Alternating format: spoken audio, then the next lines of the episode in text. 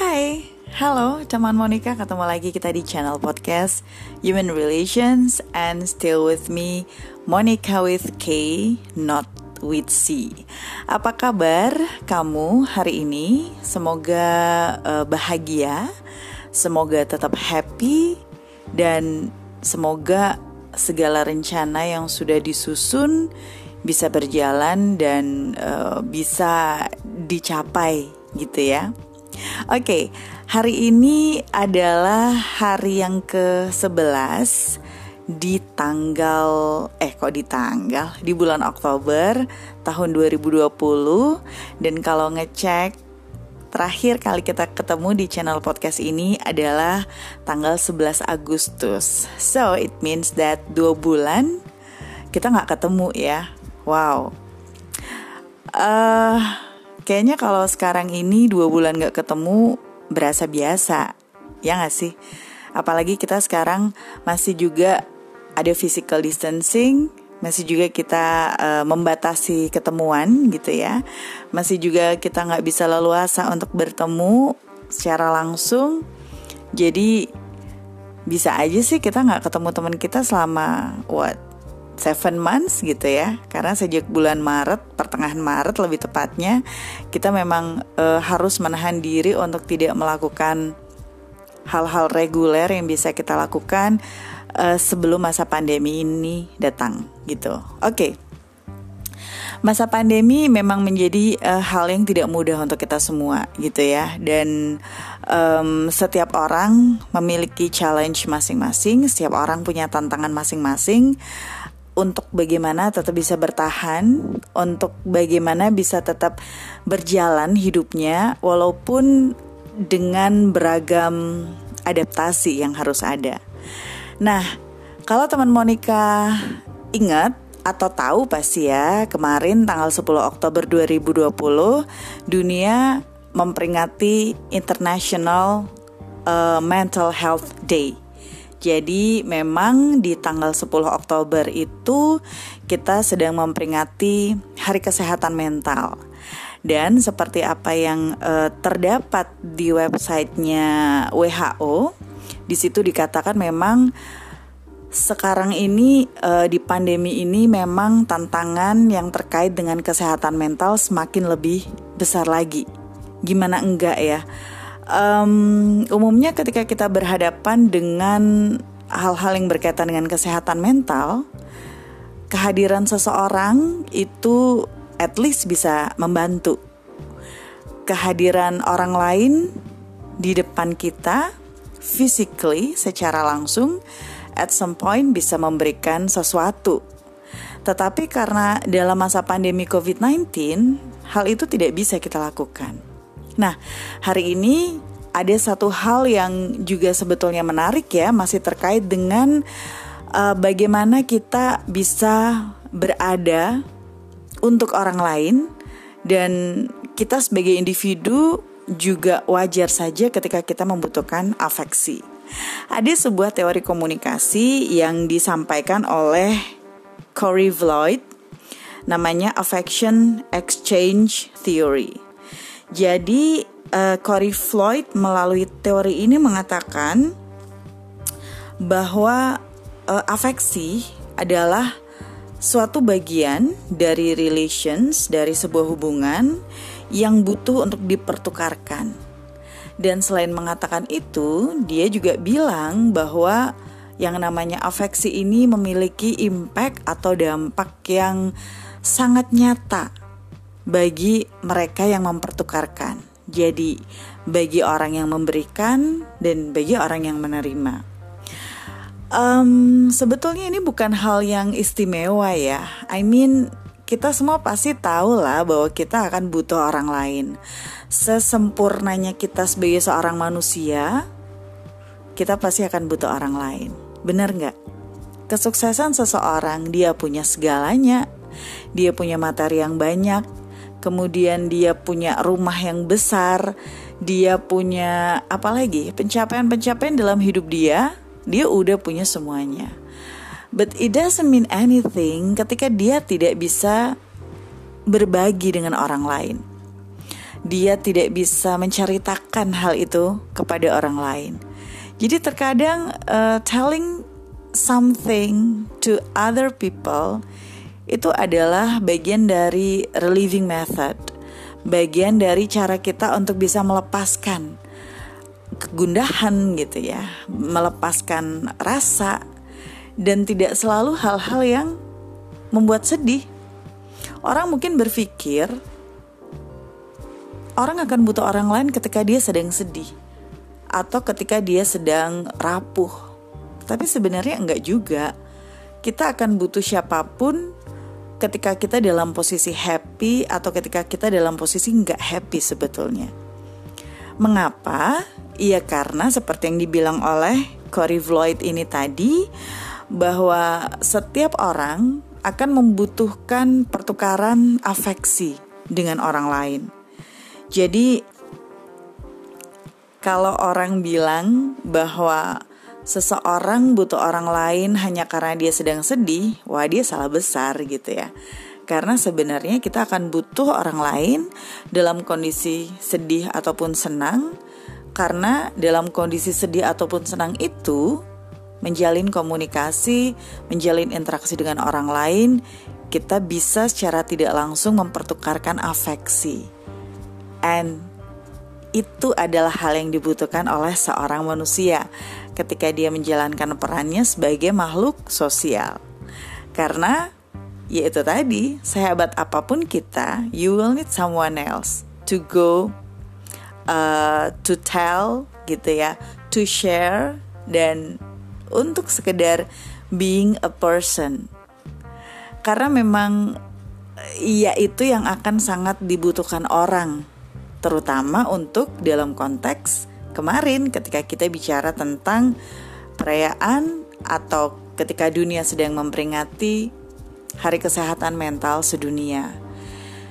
Jadi memang uh, satu hal yang pengen banget bener-bener diingat, pengen banget bener-bener orang tuh ngerti, pengen banget bener-bener orang tuh sefaham gitu ya, sefrekuensi bahwa afeksi ini menjadi sebuah kebutuhan dan kita bisa berada dalam pemenuhan kebutuhan afeksi itu baik sebagai orang yang memberikan kepada orang lain atau sebagai orang yang menerima afeksi dari orang lain. Oke, mungkin ada yang terlewat ya What is affection sebetulnya? Jadi uh, definisi afeksi tentu saja kalau secara ilmiah akan ada muncul banyak definisi dengan berbagai penekanan, dengan berbagai fokus yang berbeda-beda. Tetapi paling tidak satu hal yang bisa merepresentasikan kata afeksi ini adalah kasih sayang atau perhatian. Jadi afeksi ini mutlak dibutuhkan untuk semua jenis hubungan, tidak hanya hubungan romantis, tidak hanya antar kekasih, tidak hanya suami kepada istri atau istri kepada suami, tetapi hubungan kasih sayang ini juga perlu ada untuk jenis relasi-relasi yang lain. For instance, relasi di lingkungan kerja, relasi di pertemanan, karena tanpa kasih sayang kalau di relasi dalam kerja misalnya ya. Kalau kita tidak punya rasa kasih kepada rekan kerja kita bagaimana kita akan bisa menjalankan pekerjaan kita dengan ikhlas? Bagaimana kita bisa menjalankan teamwork dengan happy? Ya kan? Begitu juga dengan pertemanan. Jadi nggak peduli jenis hubungannya apa yang namanya afeksi adalah sesuatu yang memang dibutuhkan. Dan afeksi ini bisa ditunjukkan dengan berbagai cara. Misalnya, bisa kita lakukan secara nonverbal, bisa kita lakukan secara verbal juga, dan bisa dalam bentuk supporting atau dukungan. Dalam hubungan nonverbal atau dalam bentuk komunikasi nonverbal misalnya, kita bisa tersenyum it's not that scary, right? It's not that difficult. Tersenyum adalah salah satu cara yang sederhana yang bisa kita gunakan untuk memberikan afeksi kepada orang lain. Terus kalau orang yang kita senyumin dia nggak senyum balik, what should we do? You keep smiling, right? Gak ada masalah untuk terus memberikan afeksi kepada orang lain regardless bagaimana respon dia. I mean, kadang kita berpikir, aduh ngapain ya? Aku harus baik sama orang, padahal orang itu nggak ada baik-baiknya sama aku. Um, gimana ya? Honestly speaking, I do that a lot. I don't know why, tapi memang dari dulu I love to care to people because apa ya um, sebetulnya ini bisa membuat hidup bahagia juga gitu ya when you uh, give your affection to other people, at some point you will feel excitement.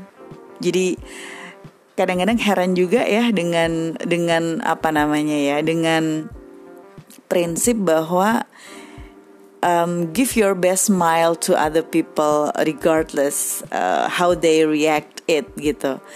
Tapi uh, somehow ini membahagiakan dan memang betul, tidak selalu afeksi yang kita berikan kepada orang lain ini mendapatkan respon sesuai dengan harapan kita. But it doesn't matter. Uh, you keep doing that. You keep being good. Gak ada salahnya untuk tetap menjadi orang baik, tetap menjadi orang penyayang, karena di satu titik, di satu masa, orang yang uh, bisa memberikan kasih sayang kepada orang lain adalah orang yang uh, akan bisa memberikan kebahagiaan. Dan apa sih yang membuat hidup kita lebih bahagia selain dari kita bisa membuat atau menciptakan kebahagiaan untuk orang lain? Senyum itu adalah sesuatu yang simple. Dia adalah sesuatu yang sederhana. You don't need to put your money on it, betul kan? You just need to smile, tarik bibir sedikit, uh, tampakkan sedikit gigi gitu atau tanpa gigi it doesn't matter. Apa pun itu. Senyum. It's so simple and you can do that. You don't need a skill to give your smile to other people. Jadi itu adalah salah satu bentuk afeksi secara nonverbal. Atau kalau secara verbal bisa juga. And not always I love you kata-katanya. Not always aku sayang kamu ya kan? Kata-kata yang bisa melambangkan afeksi tidak selalu dengan dua kata itu, tidak selalu dengan sayang, tidak selalu dengan cinta. Satu kata sederhana misalnya, hati-hati ya pulangnya, ini sudah satu bentuk afeksi loh, ya kan? Jadi uh, itulah mengapa tadi disampaikan bahwa afeksi tidak selalu untuk hubungan-hubungan romantis, tidak selalu untuk hubungan-hubungan yang uh, apa namanya penuh dengan apa namanya hasrat, penuh dengan passion, penuh dengan las. Kok ngomongin las sih? Serem deh. Oke, tapi intinya adalah afeksi tidak selalu ke sana. Itulah mengapa kata-kata verbal yang bisa kita gunakan juga macam-macam. Tidak harus I love you, I'm crazy about you, atau I miss you, tidak selalu. Tapi kata-kata sederhana seperti tadi dicontohkan misalnya hati-hati pulangnya atau jangan lupa minum obat misalnya untuk teman kita yang lagi sakit gitu ya atau sekedar ngingetin persensi karena sekarang work from home uh, kebiasaan atau habit untuk persensi di pagi dan di sore hari mungkin belum jadi habit kita ingetin teman kita Hey, don't forget to check in and don't forget to check out. Itu adalah salah satu bentuk afeksi. Itu adalah salah satu bentuk kita perhatian ke orang lain. Dan ada satu uh, riset teman-teman yang menyebutkan bahwa uh, dalam konteks affection exchange theory ini ada salah satu konsep yang disebut affection deprivation. Affection deprivation itu adalah satu kondisi di mana seseorang membutuhkan afeksi karena dia nggak cukup dapat afeksi. And you know what? Dari riset yang dilakukan ternyata temuan yang didapat adalah Di antara kaum laki-laki dan perempuan, ternyata kaum laki-laki adalah kelompok yang mengalami affection deprivation. So, ini adalah salah satu hal yang menunjukkan bahwa afeksi itu dibutuhkan oleh semua orang, regardless jenis kelamin mereka. So, untuk partner kamu, baik dia cowok ataupun cewek, untuk temen kamu, untuk sahabat kamu, untuk keluarga kamu, untuk pacar kamu, untuk suami dan istri, apakah mereka laki-laki, apakah mereka perempuan, jadikan mereka sebagai objek afeksi kamu. Ingat bahwa sebagai manusia yang adalah makhluk sosial, kita akan selalu butuh kasih sayang. Oke, okay? well, I think ini udah cukup untuk edisi kali ini. Dan yang paling pengen diingetin lagi adalah um, kita harus menyayangi diri kita, jiwa kita, raga kita, semuanya harus kita sayangi.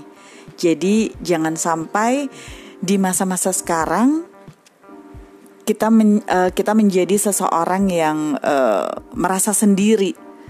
Karena tadi kalau kita bicara terkait dengan affection deprivation, loneliness adalah salah satu hal yang dirasakan ketika seseorang merasakan affection deprivation. Jadi jangan sampai kita merasa sendiri, you have to trust yourself bahwa ada seseorang di sana yang selalu akan peduli yang selalu akan memberikan kasih sayangnya kepada kamu dan kamu juga berhak untuk memberikan kasih sayangmu kepada orang lain.